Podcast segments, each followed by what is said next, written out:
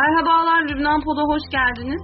Bugün Lübnan'ın sınır komşusu ve e, istikrarlı istikrarsız çok derin ilişkileri olan bir ülkesinden bahsedeceğiz. Bir ülkeyle olan ilişkisinden bahsedeceğiz. Bugün Lübnan ve Suriye ilişkilerini konuşacağız. Çok önemli ve e, çok özel bir konuğum var yine. Orsam Levant Çalışmaları bölümünden e, Ömer Behram Özdemir Hoca bugün bizimle birlikte. Ömer Hocam hoş geldiniz yayınıma. Hoş bulduk Tuğba Hocam. Nasılsınız? İyisiniz inşallah. İyi sağ olun. Siz de iyisiniz umarım. İyiyim, teşekkür ediyorum. Teşekkür ederim yayınıma katıldığınız için. Ömer Hocam'ın Suriye ile ilgili çok önemli ve güzel çalışmaları var. Hem Suriye iç savaşını anlatan hem de oradaki milislerin e, sosyoekonomik ve siyasi durumlarından bahseden önemli çalışmaları var. Bugün de biz Lübnan-Suriye ilişkilerine değineceğiz biraz. Tabii e, öncelikle aslında Suriye ve Lübnan arasındaki tarihsel ilişkileri ele almak belki başka bir yayının konusu. E, ama yine de derin bir bağ olduğunu söylemekte fayda var. E, yakın tarihe hemen bakarsak eğer iç savaşı görüyoruz biz. E, 13 Nisan'da aslında iç savaşın başladığı tarih. Suriye'nin 1976'da hemen bir Lübnan'a müdahalesi var. Savaşın hemen sonrasında da Suriye'nin asker bulundurması bağlamında defakto bir hegemonyası söz konusu Lübnan'da. Bu hegemonya 2005'te Refik Hariri suikastinden hemen sonra bitiyor ve Suriye Lübnan'dan çekiliyor ama hiçbir zaman da tam bir çekilme olmuyor e, ve ilişkilerinde hiçbir zaman kesilmediğini söyleyebiliriz. Arap Baharı'nı hemen e, hızlıca geçelim. E, Arap Baharı'ndan sonra Beşar Esad'ın yeniden Orta Doğu'da görünür olması söz konusu ve Lübnan'la da ilişkileri açığa çıkıyor. Ve bunun en somut göstergelerinden bir tanesi Arap Petrol Boru Hattı projesi. 2010'da aslında ilan edilmişti ama kesildi daha sonra Arap Baharı nedeniyle. Geçtiğimiz yıl projenin yeniden devreye girmesi söz konusu oldu Ömer Hocam. Buradan başlayalım isterseniz. Bu anlaşmayla ilgili henüz somut adımlar yok ama bu ilişkiler nasıl gelişir, nasıl evrilir? Petrol boru hattı projesinin bundaki etkisi nedir? Dinliyoruz sizi buyurun. E, tabii e, bahsettiğim üzere bu Arap coğrafyasındaki bu e, enerji hattı projesi e, savaş öncesi e, hani hem Suriye'nin Levant bölgesindeki diğer Arap ülkeleri için batıya ve dünyanın geri kalanına e, bir enerji nakil hattı e, işlevi göreceği bir e, senaryo, bir projeksiyon veriyordu bizlere savaş öncesi. Ama malumunuz iç savaştaki yoğun yıkım ve savaşın uzun sürmesi bu süreci engellemişti. Şu an için Suriye'nin başta Arap Ligi'ne tekrar hani katılım süreçleri olmak üzere Arap coğrafyasıyla yakınlaşma çalışmaları var. Bunda tabii ABD'nin de kısmen odağının Orta Doğu'dan çekilmesi sonrası, bir derece azalması sonrası Orta Doğu'daki aktörlerin yeni işbirlikleri ve yeni ilişkiler inşa etme çabaları da var ama şöyle diyebiliriz. Son dönemde çokça tartışılan bir şey Mısır, Ürdün ve Irak'ın ABD'nin kısmen ağırlığını bölgeden çektiği bu dönemde yeni bir nasıl diyelim ittifak e, arayışında oldukları ve hani hem Türkiye'ye hem İran'a hem de Körfez ülkelerine karşı bir denge kurmak istedikleri ne dair yapılan çalışmalar, yorumlar var. E, bu kısmen bu ülkelerden gelen açıklamalarla da destekleniyor bir derece.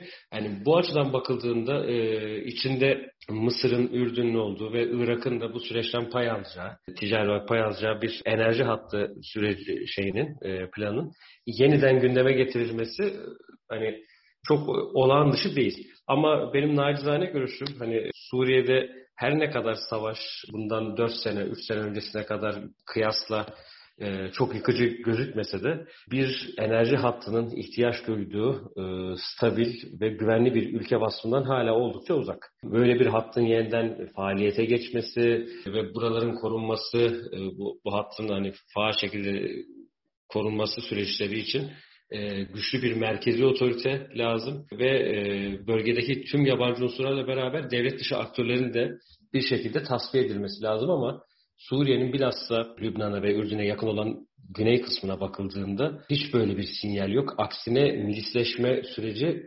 katlanarak ve hızlanarak artıyor. O yüzden dediğim gibi Ürdün'ün, Irak'ın, Mısır'ın hem kendi iç e, siyasetleriyle alakalı yani kendi ülke içi istikrarlarıyla alakalı sebeplerle hem de bölgede bir yeni bir aksis oluşturmak amacıyla e, yakınlaştıklarını ve bu, burada yani bu plan dahilinde Suriye'nin de potansiyel bir rol taşıdığını söyleyebiliriz ama realiteye bakıldığında e, henüz Suriye rejimi için böyle bir işbirliğinin fiiliyatı dökülmesinin oldukça gerçek dışı olduğunu düşünüyorum. Evet, burada öne çıkan aslında öncelikle güvenlik krizi anladığım kadarıyla. E, çünkü evet. Suriye'de hala devam eden bir istikrarsızlık var ve aslında hala devam eden bir savaş var. Bu Tabii. noktada herhalde e, Beşar Esad'ın her ne kadar görünür olmaya başlasa da Lübnan üzerindeki hegemonyası beklediği kadar yakın olmayacak anladığımız kadarıyla. Buradaki Arap petrol boru hattının Lübnan için önemi aslında ortaya çıkıyor. E, çünkü Mısır'dan Ürdün'e, oradan Suriye'ye, Suriye'den de Lübnan'a aktarılacak bir akaryakıttan bahsediliyor ki şu anda Lübnan'ın mevcut durumunda en çok ihtiyaç duyduğu ürünlerden bir tanesi. Ama sizin de bahsettiğiniz üzere istikrarsızlık e, bunun önüne geçecek gibi duruyor. Peki buradan Suriye'deki istikrarsızlığa değinsek. Hı. Mesela tabii Suriye ve Lübnan ilişkilerinden bahsederken Hizbullah konuşmamızda bu noktada imkansız. Esad'ın e, Hizbullah'la olan ittifakını da biliyoruz biz. 2013'te Hizbullah'ın Suriye iç savaşına dahil olduğunu, resmi olarak da bunu, bunu ilan ettiğini biliyoruz. E, ancak e, ilerleyen süreçte Hizbullah'ın Lübnan içerisinde açıkçası prestijinin iç savaş nedeniyle biraz da zarar gördüğünü söyleyebiliriz. Hizbullah'ın Suriye'de bulunması e, hem rejim açısından hem de diğer milis güçler açısından nasıl bir yankı uyandırıyor? Şöyle diyebilirim aslında savaşın ilk döneminde Suriye rejimi çok ciddi kayıplar yaşadığı dönemde Lübnan, e, İran'ın da isteği ve emriyle bölgeye giriş yaptı. Hatta yine Lübnan sınırına çok yakın Kuseyir bölgesindeki büyük çatışmalarda başlat rol oynadı e, Hizbullah. Hizbullah o dönem ilk etapta yardımına koştu tabi Esed rejiminin. Daha sonra hatırladığımız kadarıyla söyleyebilirim. İlk etapta rejimden de kısmen tepkiler alıyorlardı e, rejim yanlarından. Çünkü şöyle düşünün yıllarca e, Esed rejimiyle Hizbullah arasındaki ilişkide daha yani nasıl diyeyim tam bir denk tarafların ilişkisi değildi. Daha böyle başat, daha büyük bir figürdü Esad rejimi. Hizbullah ise daha küçük ve hani terazide daha aşağıda kalan bir figürdü yıllarca. Fakat iç savaş süreci öyle bir yıkım verdi ki şeye Suriye rejimine Hizbullah'ın ilk e, bölgeye girişi ve operasyonlarda öncü rol oynaması ve daha sonra güneydeki operasyonların çoğunda e, kendi komutasının olması hususunda diretmesi e, önce aralarındaki farkı kapattı. E, sonra neredeyse Hizbullah'ın rejime göre daha başat bir aktör olduğu bir denkleme e, doğru yelken açıldı. Hani e, daha önce emir verdiğiniz ve hani e, üstenci tavırlarla bir şeyler buyurduğunuz bir aktörün şimdi tam aksi şekilde size emir vermesi, bir şeyler buyurması Suriye rejimi içerisinde sorunlara yol açmıştı. Ama şunu söyleyebilirim. Hem yaşanan çok büyük yıkımlar hem birlikte çok büyük çatışmalara girilmesi e, zaten rejim ve Hizbullah'ı bir derece yaklaştırdı. Ama aynı vakitte birazdan da bahsederiz hani hem legal hem illegal ticaretleri işte uyuşturucu kaçakçılığından tutun işte savaş suçlarına kadar pek çok şeyi beraber yapmaları da belli bir kader birliğine yol açtı. Ama şu anki süreçte e, bakıldığında rejimin Hani böyle yekpare bir şey yok e, Hizbullah'a karşı bakış açısı. Çünkü Suriye rejiminde de yekpare bir şeyden bahsedemiyoruz. Yani içerisinde İran ile alakası, teması çok yakın olan unsurlar var ve Rusya ile çok yakın olan unsurlar var. Ve ikisiyle de kısmen denge tutturan daha böyle rejimin çekirdeğindeki unsurlar var.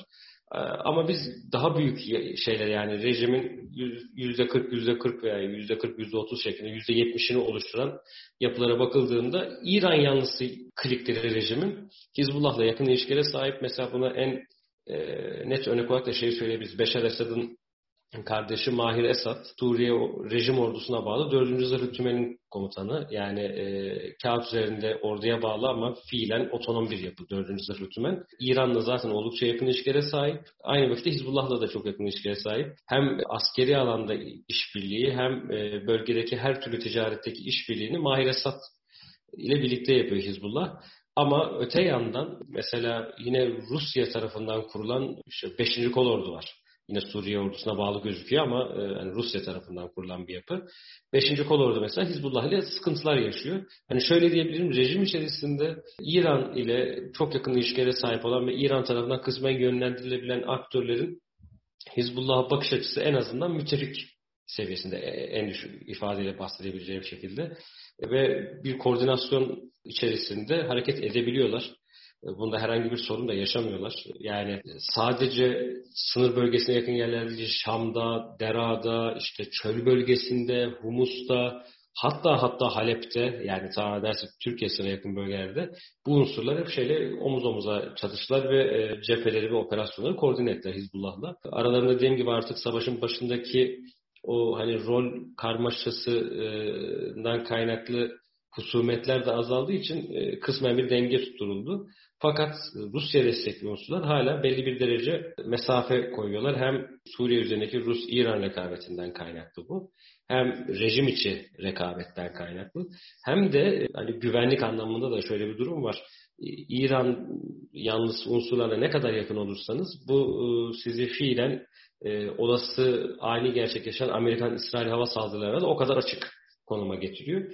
E, bu açıdan e, rejimin hani belki yarısı, yarısından fazlası bir e, kliğinin, rejim içi kliğinin Hizbullah'la yakın ilişkiler içerisinde olduğunu söyleyebilirim ama ortak menfaatlerin sayısı arttıkça bu ilişkinin daha iyi, güçlü hale geldiği de hani bir son 5-6 senenin gösterdiği bir gerçek.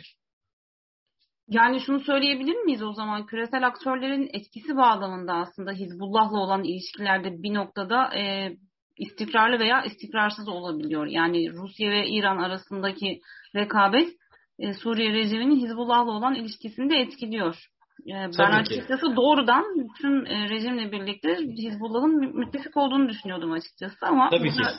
değişen bazı durumlar var zannedersem.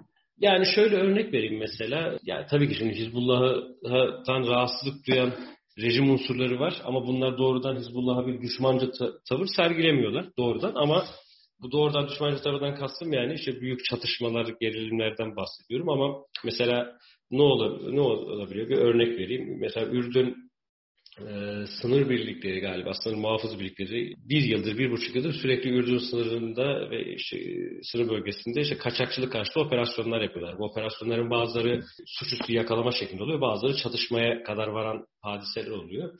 Çünkü Ürdün çok ciddi bir uyuşturucu geçiş güzergahı oldu Suriye merkezli üretilen uyuşturucunun.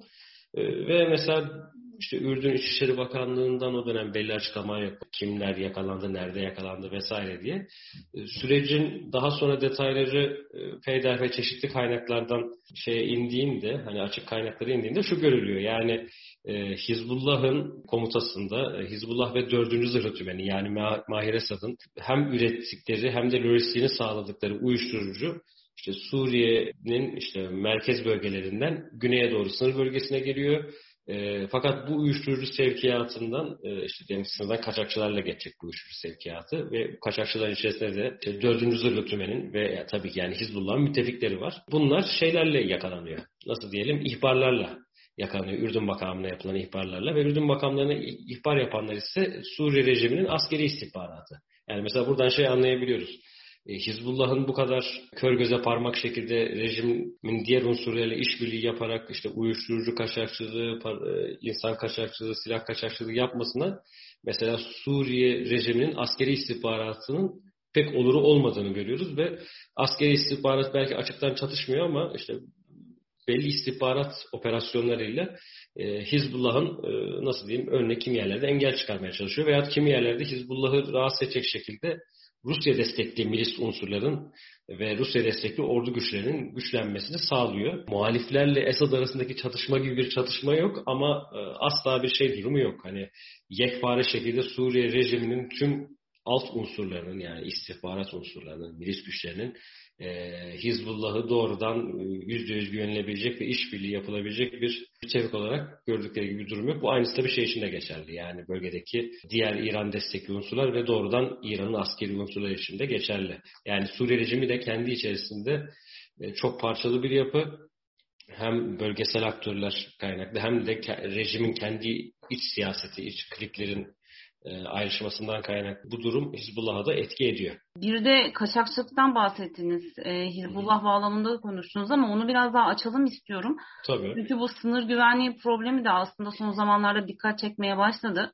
E, akaryakıt ve ucuz malın e, sınırlardan kaçak yollarla geçtiğini zaten biliyorduk. Bir de buna insan kaçakçılığı eklendi sanırım. Ve BK tarafından özellikle Suriye'ye böyle bir akış var. E, hem akaryakıt hem ucuz mal hem de insan ticareti bağlamında. Bununla ilgili nasıl bir analizde bulunabiliriz sizce?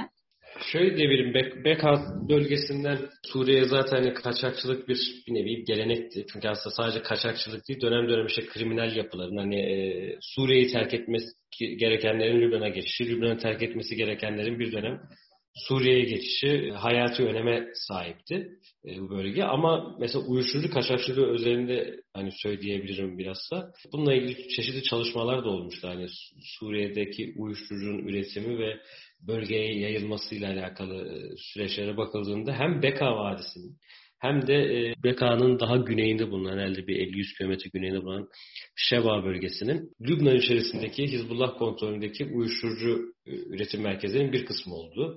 Ve bunların paralelinde Suriye toprakları içerisinde bulunan muhtelif bölgelerde mesela Ceyrut kasabası, Deir Ali kasabası, e, Dera bölgesinin hem merkezi hem de e, Neva ve Casim gibi de Dera bölgesine bağlı kasabalarda işte eski tesisler, işte fabrikaların, iri ufaklı fabrikaların uyuşturucu tesisleri olarak, e, uyuşturucu üretim tesisleri olarak kullanıldı. Ve bu hat üzerinden yani Lübnan'dan Suriye'ye ve yine Suriye'de üretilenler Kuzey şey Orta Suriye'den Güney Suriye'ye inişi ondan sonra Dera'daki sır kapısı üzerinden Ürdün'e e, sevki ve e, Deir Zor üzerinden de Irak bölgesine ve oradan da geri gelip İran'ı sevki üzerine görebiliyoruz bu uyuşturucu rotasını. Hatta Hizbullah kontrolündeki uyuşturucu üretim merkezlerinin Suriye içerisinde ki uyuşturucu üretim merkezlerinin sayısıyla alakalı bir Suriye gündemi sitesine bir şey yapmıştık. Yurt dışında yapılan bir raporun Türkçeleştirilmiş aynı haritasını koymuştuk. 9 farklı mevkide bunların bir ya da iki tanesi Lübnan içerisinde bu arada. 9 farklı mevkide toplamda 15-16'dan e, fazla şey vardı. Hani irili ufaklı üretim merkezi vardı. Ve tüm kaynaklar üretim merkezlerinin Hizbullah'ın kontrolünde ama güvenliklerinde Mahir bağlı 4. Zırhlı Tümen tarafından sağlandığını göstermekteydi. Hani bunun şöyle bir çıktısı var.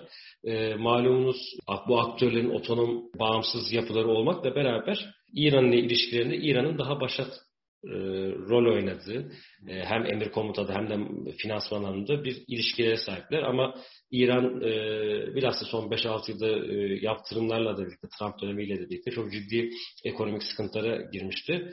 Hem İran'ın içinde bunda ekonomik sıkıntılar hem Suriye'de rejim kontrolündeki alanlardaki büyük ekonomik sıkıntılar rejim unsurlarını Suriye'de alternatif finansman yollarına sevk etti. Bu alternatif finansmanda bizim karşımıza en çok çıkan iki şey biri bunu daha çok Rusya kullanıyor. Paralı askerlik meselesi e, ve işte paralı milislik meselesi. İkinci meselesi, mesele ise başta uyuşturucu olmak üzere kaçak meselesi. Bu açıdan Hizbullah'ın BK ve çevresindeki tecrübesinden de faydalanarak e, Suriye'nin bir uyuşturucu ticaretinde bir hub olmasına, bir merkez olmasına hani başlatan sürece e, tetikçisi bir nevi yani fikir babası olduğunu söyleyebiliriz. Bu şekilde İran'ın operasyonel maliyeti bir derece azaltılıyor. Aynı vakitte bölgedeki İran destekli milisler artı Hizbullah bölgedeki varlıklarını ekstra bir maliyet olmadan hatta bunu bir maddi kazancı tahvil ederek devam ettirebiliyorlar. E, bu devam ettirebilme durumları da tabii aynı vakitte Rusya'yı dengelemeye yol açıyor. Çünkü Rusya burada çok ciddi maliyetlerle Melis destekliyor. Ama şunu söyleyebilirim. Mesela Ürdün'ün, e, malum Ürdün kralı ve Beşar Esed bir telefon görüşmesi e, yapmıştı geçtiğimiz aylarda. Mesela Ürdün'ün e, yakınlaşmasındaki sebeplerden biri de sınır güvenliği meselesiydi. Çünkü bir şekilde temas etmeleri gerekiyordu artık Suriye rejimiyle. Çünkü tek başlarına bu süreci durduramı, durduramıyorlardı. Ee, ve Ürdün sınır muhafızlarının müdahaleleri artık şeye dönmüştü.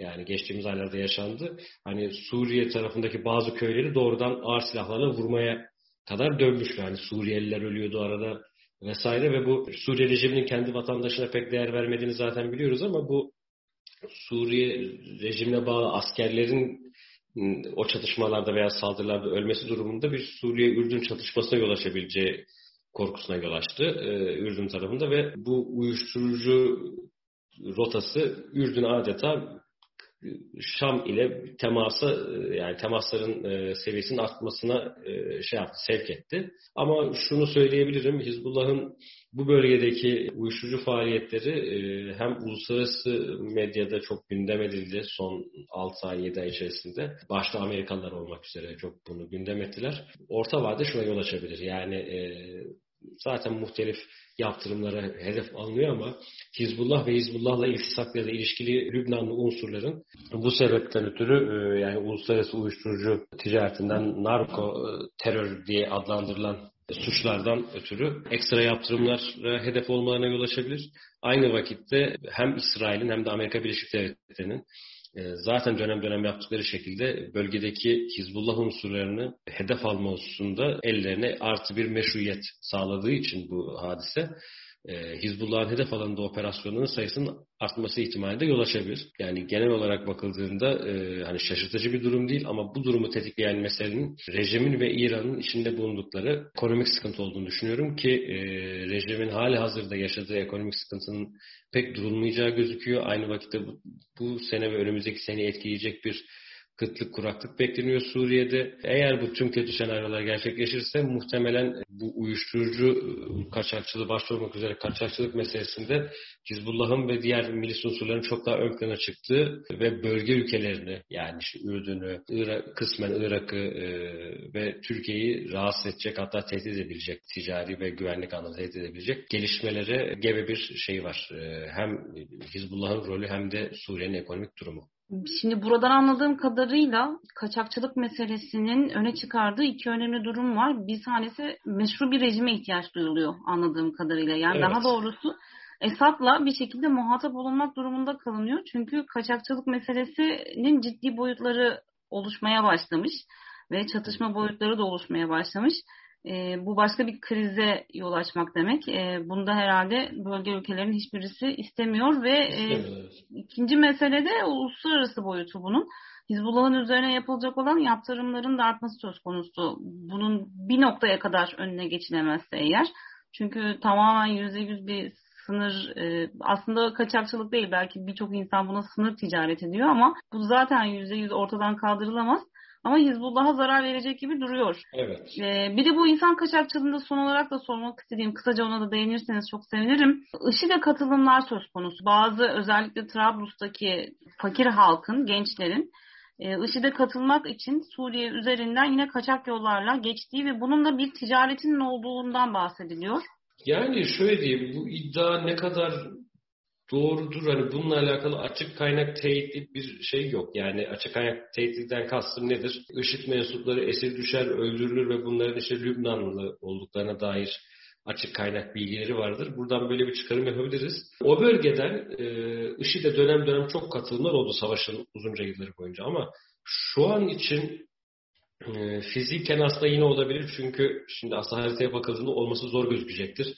Ee, zaten IŞİD doğrudan bir toprak hakimiyetine sahip değil zaten Suriye'de artık ama daha ziyade Deir Zor bölgesi ve etrafındaki çöl bölgesinde, Deir Zor ve Humus'taki çöl bölgelerinde e, etkin e, örgüt.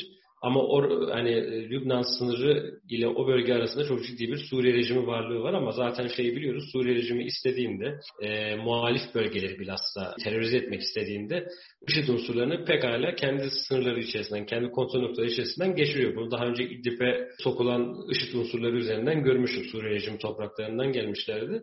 Ama şunu söyleyebilirim. IŞİD'in şu an operasyonel olarak evet şeye biraz daha ihtiyacı olduğunu söyleyebiliriz insan gücüne. Ama mesela bilhassa çöl bölgesinde yaptıkları operasyonlar, sadece çöl bölgesi değil işte Rakka kırsalı, Halep kırsalında yaptıkları saldırılar, artarak devam eden saldırılara bakıldığında şunu görüyoruz. Lübnan'dan gelen yoğun hani katılımların olduğu dönemlerde IŞİD'in şöyle bir politikası vardı. Alan hakimiyeti arzuluyordu. Hani çünkü devlet olma iddiasındaydı. Bir alan hakimiyeti arzuluyordu ve alan hakimiyeti için e, geniş askeri birlikler e, ve hani hem gösteriş için hem de bunu fiiliyatı dökebilmek için çok geniş askeri birliklere ihtiyacı oluyordu.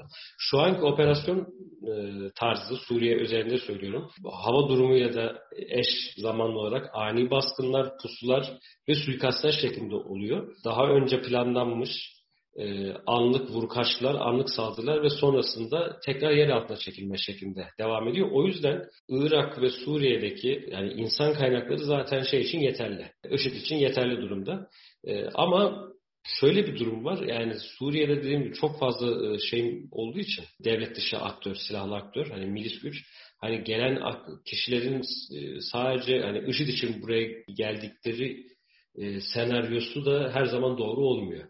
Yani buraya gelip mesela şey üzerinden Trablus üzerinden Suriye'ye girip Suriye'deki Rus askeri şirketler üzerinden paralı askerlik yapmaya katılmak isteyen de olabilir. Şeye değil, IŞİD üzerine değil, El-Kaide unsurlarına katılmak isteyenler de olabilir. Veyahut hani biz bilmiyoruz belki de hani katılan unsurlar Sünni olmasa bile Hizbullah'ın e, bu unsurların hani rejim yanlarına değil de IŞİD'e katıldıklarına yönelik bir manipülasyon da olabilir bu süreç. Ama dediğim gibi daha önce yaşanmıştı. Lübnan'dan göçler e, IŞİD'e katılmaya yönelik. Hani şu anda da yaşandıysa dahi bir açık kaynaklı bir teyit yok. Ama e, son dönemde gördüğümüz zaten insan kaynağına daha zor erişiyor IŞİD ama operasyonları gereği e, operasyon yani stratejileri gereği zaten çok geniş e, bir insan kaynaklarına da ihtiyaç yok. Yani artık köyleri, kasabaları, şehirleri kontrol altına tutacak, otoyolları kontrol altına tutacak binlerce milise ihtiyaçları yok. Zaten alan hakimiyetini kaybettikleri için bu kadar işte on binlerce milisi besleyebilecek bir ekonomileri de yok. Yani yine de kendi ekonomik güçleri bölgedeki kaostan ötürü yani aynı nasıl Hizbullah ve diğer milis örgütler faydalanıyorsa kaçakçılığın her türlüsünden ve mafya vari işlerden IŞİD de çok faydalanıyor ama artık 2014'teki 2015'teki kadar on binlerce kişilik bir orduyu besleyebilecek ekonomik gücü yok. O yüzden hani ekonomik olarak da katılıp katılması nasıl diyeyim eskisi kadar tırnak içerisinde cazip bir yapıda değil gördüğümüz Reşit. Ama temel olarak dediğim gibi bir açık kaynak teyidi de görmedim. Ömer Hocam çok önemli bir programdı. Suriye-Lübnan ilişkilerinin daha daha çok günceline değindik. Çok teşekkür ederim katıldığınız için yayınıma. Ben teşekkür ederim hocam. Ömer Behram Özdemir hocamın e, Suriye'deki iç savaşla ilgili dediğim gibi önemli yazıları var. Orsam'dan takip edebilirsiniz kendisini. Bu hafta çok güzel bir yayın oldu. Önümüzdeki hafta yeni bir programla görüşmek üzere. Hoşçakalın.